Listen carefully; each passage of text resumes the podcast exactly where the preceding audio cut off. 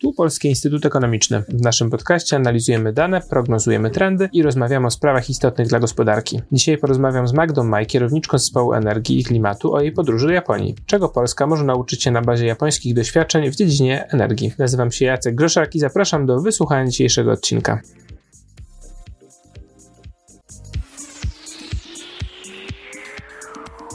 Cześć Magdo. Cześć Jacku. Na początku y, proszę powiedz, kto i dlaczego zaprosił Cię na wizytę studyjną do Japonii? Na wizytę studyjną do Japonii pojechałam wraz z grupą liderów opinii, tak zostaliśmy nazwani, to znaczy z przedstawicielami kilku innych instytucji rządowych i pozarządowych. Zaproszenie wystosowało do nas Ministerstwo Klimatu i Środowiska, natomiast całą wycieczkę jakby fundowała strona japońska, japońskie Ministerstwo y, Gospodarki i Handlu, tak ono bodajże się nazywa. I jest to już któraś z rzędu wycieczka, na którą było zaproszone e, nasze ministerstwo w tematyce energetyki jądrowej. Wcześniej na taką wycieczkę pojechali dziennikarze, także e, władze lokalne z gmin, w których potencjalnie miałaby być elektrownia jądrowa w Polsce. Tym razem byli to właśnie liderzy opinii. Czyli teraz ta, ten wyjazd miał, rozumiem, pokazać Wam, jak Japończycy podchodzą do elektroenergetyki jądrowej. To powiedz w takim razie, jak to wygląda po Fukushimie w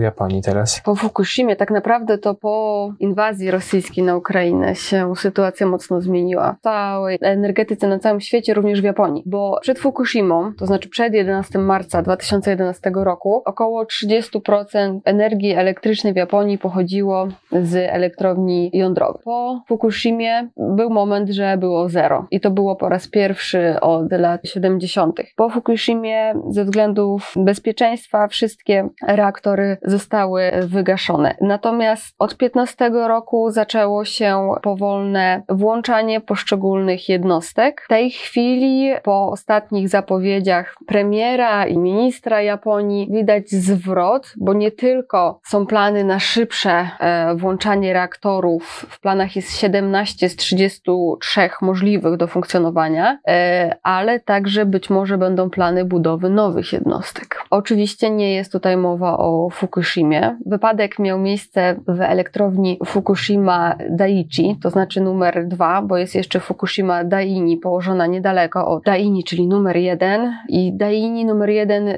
nie była uszkodzona podczas tsunami. Daiichi było, ale obie te elektrownie są wyłączone i są w fazie rozbiórki. Czyli rozumiem, że przez ładnych kilka lat te pozostałe, bo jak rozmawiamy o Fukushimie, tutaj nie rozmawiamy o jej powrocie, te pozostałe elektrownie jądrowe były tak zawieszone tak, na, na, czas nieokreślony, jak rozumiem, tak. tak. I ten czas nieokreślony zakończył się wraz z rosyjską inwazją na Ukrainę. One były odstawione. Zdarzyło się tak, że jedna elektrownia została włączona na parę miesięcy, jednak znowu z przyczyn bezpieczeństwa antyterrorystycznego została wyłączona i w 15 roku już na stałe jedna elektrownia została włączona i od tego czasu już te plany się zwiększały na włączanie kolejnych bloków, jednakże nie było takiego wyraźnego sygnału ze strony strony rządu, jak mamy teraz, o tym, jaką rolę ma mieć energetyka jądrowa, bo no teraz też zmieniło się nastawienie społeczeństwa. Mówiłaś o nastrojach społecznych zmieniających się dookoła e, energetyki jądrowej. Jak to wyglądało bezpośrednio po wydarzeniach e, w Fukushimie, po tej katastrofie? E, jak to wygląda teraz? Jak to się zmieniało na przestrzeni ostatnich 10 lat? Pierwsza jakby y, historycznie reakcja negatywna na energetykę jądrową w Japonii miała miejsce po wypadku w 79 roku w Stanach Zjednoczonych w Three Mile Island. Wtedy już były po raz pierwszy głosy organizacji prośrodowiskowych, proklimatycznych o tym, żeby wycofywać się z energetyki jądrowej, która wcześniej właśnie też głównie przez wpływy Stanów, przez głównie dekadę była mocno rozwijana. Jednak przez to właśnie, że Japonia nie ma własnych zasobów surowców, OZE nie było jeszcze tak rozwinięte na ten moment, nadal było to najlepsze źródło energii. Następnie w 2011 roku, w marcu, nastąpił wypadek w elektrowni Fukushima Daiichi, który totalnie zmienił podejście społeczeństwa do energetyki jądrowej na kilka lat. Więc po wypadku wszystkie elektrownie jądrowe zostały wygaszone, co je zastąpiło szybko na ten moment elektrownie gazowe i zasilane ropą naftową szybko mogły to zastąpić. Docelowo wówczas też plany rządowe wskazują wskazywały na mocny rozwój energetyki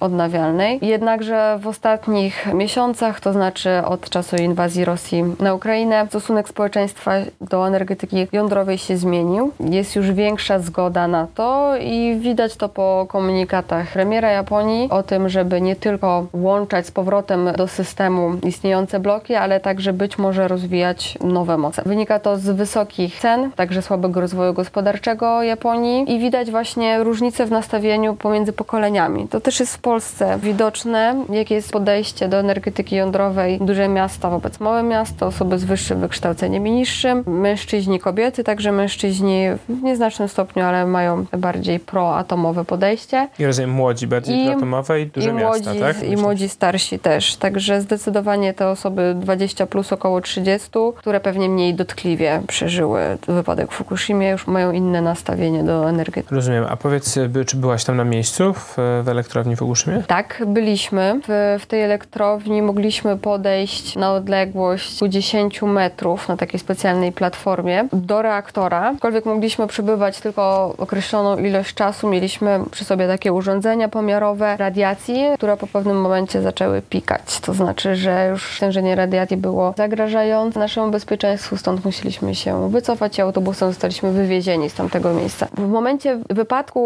z sześciu reaktorów, jakie na terenie elektrowni zostały wybudowane, trzy funkcjonowały i oba te trzy uległy awarii, a czwarty służył do przechowywania zużytego paliwa. On także został zapalony, przez co tak naprawdę cztery reaktory zostały uszkodzone. I w tym momencie operator tych elektrowni, firma TEPCO, zajmuje się rozbiórką tej elektrowni, co tak naprawdę zajmie dekady, bo nie można też tego zrobić ludzkimi rękami, że tak powiem. Do tego muszą być stworzone roboty, zdalnie sterowane maszyny, ponieważ nadal paliwo jest szkodliwe. No tak, rozumiem, że w tamtym miejscu to już nie ma mowy jakby o otwieraniu tej elektrowni. Pytanie jest tak, jak, jakie są wnioski Japończyków, czego nauczyli się na bazie tej katastrofy? Rozumiem, że dyskusja dotyczyła tego, na ile mieliśmy do czynienia z potężnym żywiołem, trudnym może do przewidzenia w tej skali, no i jakby procedurami bezpieczeństwa, które jakoś zadziałały w tym sensie, że jak rozumiem, obyło się bez, bez um, dużych strat w ludziach, a na ile tutaj mówimy jednak o błędach, czy to właśnie w tej lokalizacji, w miejscu, gdzie nie powinna powstawać taka elektrownia, czy to jednak błędach w konstrukcyjnych w utrzymaniu tej elektrowni? To odpowiadając na, na, pierwszą część pytania, ta elektrownia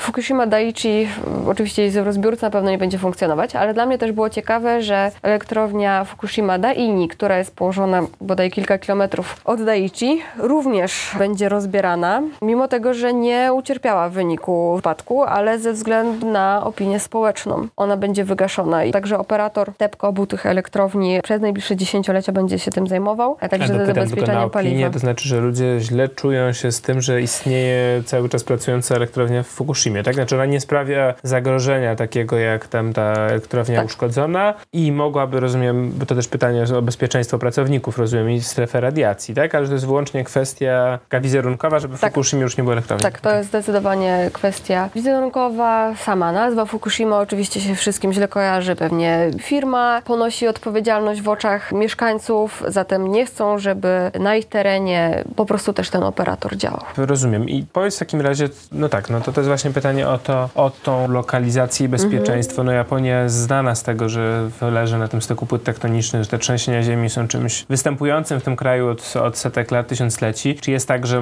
można założyć, że i pozostałe elektrownie są bezpieczne podobnych zdarzeń w Japonii, mhm. że tam ta rzeczywiście miała w złym punkcie miejsce? No czy trudno mówić w przypadku Japonii o bezpiecznych rejonach? Mhm. Powiem, co nam opowiedziano na tej wizycie studyjnej. Elektrownia e, Fukushima jest zbudowana od stron Oceanu Spokojnego. Elektrownię można też budować od drugiej strony Morza Japońskiego, gdzie oczywiście takie wypadki nie, nie będą miały miejsca. Jednakże elektrownie muszą być też rozmieszczone w, w miarę symetrycznie. Mhm. Tak? Na tamten moment budowania i funkcjonowania elektrowni Fukushima spełniała standardy bezpieczeństwa związane z zabezpieczeniami przeciwko właśnie fali tsunami. Tam mhm. chodziło o określone wysokości fali, jakie mogą wystąpić. Eksperci nam powiedzieli, że w 2008 czy 2009 roku standardy się zmieniły i elektrownia powinna była przekalkulować i była w procesie, w momencie wypadku była w procesie badania nowych wymogów, które miały się zmienić mhm. w prawie międzynarodowym. Ale zdarzył się wypadek i taka wysokość fali, jaka wystąpiła, nie była przewidziana na tamten moment. Więc z jednej strony mamy zjawisko naturalne. Trudno nam będzie kontrolować naturę ustalać, co, co jeszcze może się wydarzyć, jak możemy się zabezpieczyć, bo być może po drugiej stronie Morza Japońskiego także są jakieś zagrożenia. W ogóle w tej chwili przecież Japonia też mierzy się na południu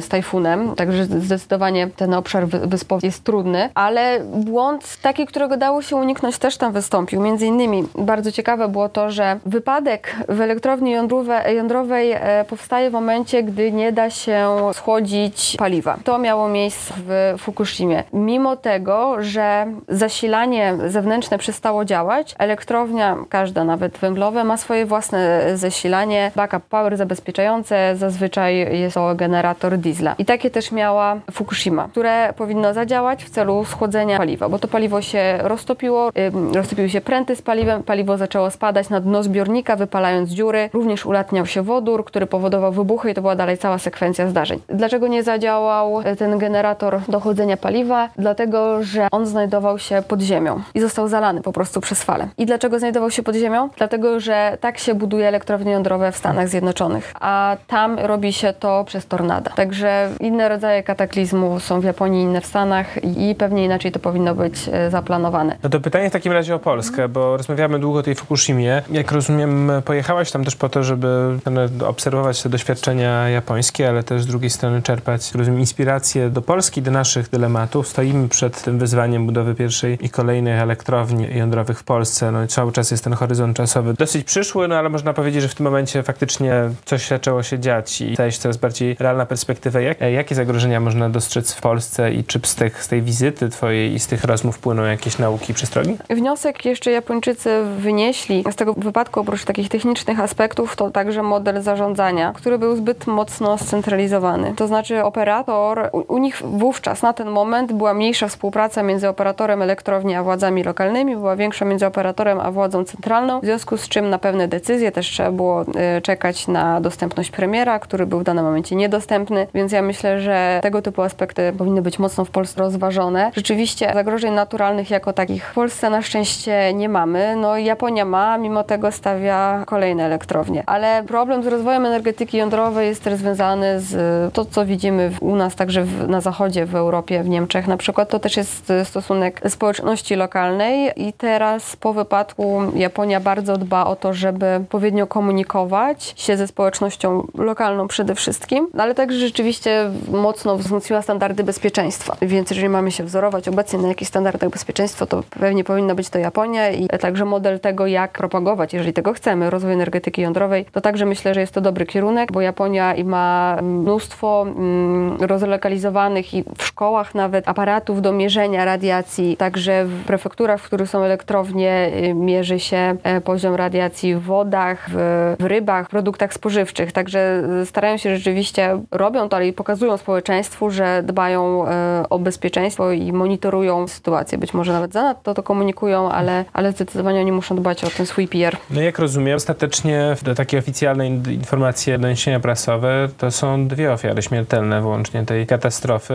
Nie wiem, czy Japonia prowadzi właśnie listę tych ofiar poprzez skażenie, poprzez radiację na przestrzeni ostatnich lat, czy możemy tu mówić o większych liczbach, e, czy faktycznie udało mi się to skutecznie ograniczyć właśnie poprzez monitoring, poprzez jakąś rozmowę ze społeczeństwem, informowanie o tych zagrożeniach? Tam nastąpiła szybka ewakuacja, aczkolwiek poziom alarmowy komunikowany przez Międzynarodową Agencję Energii Atomowej był na takim poziomie jak w Czarnobylu. Rzeczywiście to było wysoki stopień zagrożenia, jednakże sprawnie ewakuowano ludność i rzeczywiście oficjalnie to są bodajże te dwie osoby, które bezpośrednio ucierpiały w wyniku tego wypadku. Firma operująca tą elektrownią TEPCO twierdzi, że udzieliła rekompensat także robotnikom, którzy pracowali przy wygaszaniu elektrowni, ale że z osób śmiertelnych to były tylko te dwie. To jest ciekawe o tyle, że taka dyskusja też bucha co pewien czas dotycząca Czarnobyla, który jest z jednej strony takim no, czarną legendą i czy symbolem dramatu związanego z energetyką jądrową, natomiast z drugiej strony jest często przywoływany jako też dowód tych przesadzonych obaw, to znaczy, że z jednej strony mówimy o, o koszmarnych historiach z tych pierwszych dni po katastrofie z Czarnobylu, ale też z drugiej strony mamy porównanie pomiędzy tymi wizjami i lękami z 1986 roku związanymi ze skalą ofiar, skalą terenów, które będą musiały być całkowicie zamknięte, włączone z użytkowanie. Taka wisiała wizja katastrofy na skalę światową. Tymczasem mamy sytuację, w której poza niedużym obszarem wyłączonym niedaleko Kijowa w zasadzie życie się toczy w miarę normalnie naokoło, więc jak rozumiem to jest, ale to jest dyskusja, w której możemy zawsze mówić tę szklankę do połowy pustą lub do połowy pełną. Jeżeli spojrzymy na statystyki, to energetyka jądrowa jest tym rodzajem elektrowni, który w cyklu życia elektrowni przyczynia się na całym świecie do najmniejszej ilości wypadków śmiertelnych związanych z całym cyklem życia użytkowania tej elektrowni. Na podobnym poziomie są też źródła OZE, bodajże fotowoltaika. Najgorzej oczywiście wypadają elektrownie węglowe, bo to jest związane z wypadkami górniczymi. I zaraz, masz na myśli to, że wypadki w kopalniach jako przynależące mhm. do energetyki węglowej w tym tak, sensie. Tak, nie tak. mówimy o wypadkach w elektrowniach węglowych, nie, nie, nie. tylko kopalniach. Nie, mhm. bo takie zdarzają się rzadziej. Jednakże jest to tak czy inaczej trudne, bo jeżeli następuje wypadek w elektrowni jądrowej, no to jest to koncentracja ofiar w jednym regionie i jest to mocno nagłośnione. W danym momencie ucierpi konkretna grupa osób w jednym miejscu, w jednym czasie. Więc stąd jest pewnie większy opór Rozumiem, społeczny. że pozyskiwanie paliwa do elektrowni jądrowych nie wiąże się z takimi wypadkami i problemami jak kopalnie węgla kamiennego, tak? Nie, dlatego że warunki wydobycia w kopalniach węglowych są oczywiście trudniejsze, szczególnie w Polsce, gdyż jest to niżej, głębiej. Są wycieki metanu. W przypadku uranu jest jeszcze ten fakt, że, że to paliwo ma większą koncentrację energii, w związku z czym mniejsze jego ilości są e, potrzebne do wydobycia. Z innych aspektów jest to też paliwo mniej mm, narażone na fluktuacje na rynku, tak jak w tym momencie widzimy gaz, węgiel. Ono może być przechowywane przez lata i będzie mniej jakby odporne na takie sytuacje, które e, powodują kryzys energetyczny.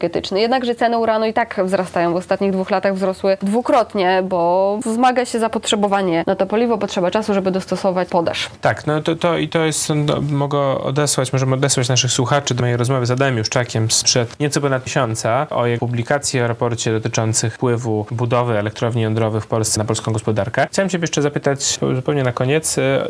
Skupiliśmy się na tej elektrowni Fukushimie jako takiej budzącej największe zaciekawienie, fascynację, też miejscu, do którego pojechałaś. Są jakieś jeszcze nie wiem, inne ciekawe obserwacje czy miejsca, które odwiedziłaś w trakcie prawy? Tak, wspominałam o centrach radiacji, w których się monitoruje poziom radiacji, ale byliśmy także działającej elektrowni w Japonii, w Mihamie. I właśnie tam zwiedziliśmy też elektrownię, niestety nie, nie fizycznie, nie bezpośrednio, tylko byliśmy przewożeni autokarem, co nie zostało tam do końca wyjaśnione, dlaczego nie mogliśmy wejść na teren bloków. Ale co, co dla mnie też było ciekawe z tego stosunku opinii społecznej do elektrowni jądrowych, to w miejscach, gdzie funkcjonują elektrownie jądrowe, w tych prefekturach, społeczność jest nastawiona pozytywnie, bo to są miejsca pracy, bo to są także wpływy z podatków e, z tej elektrowni, w związku z czym gmina zyskuje, natomiast protestują często osoby z gmin ościennych, które korzystają tylko elektrowni, e, z energii pochodzącej z tej elektrowni. To też e, pokazuje taki, taki paradoks tak naprawdę. Tak i to jest, to też w sumie o, o tym pamiętam w rozmowie z Adamem było w kontekście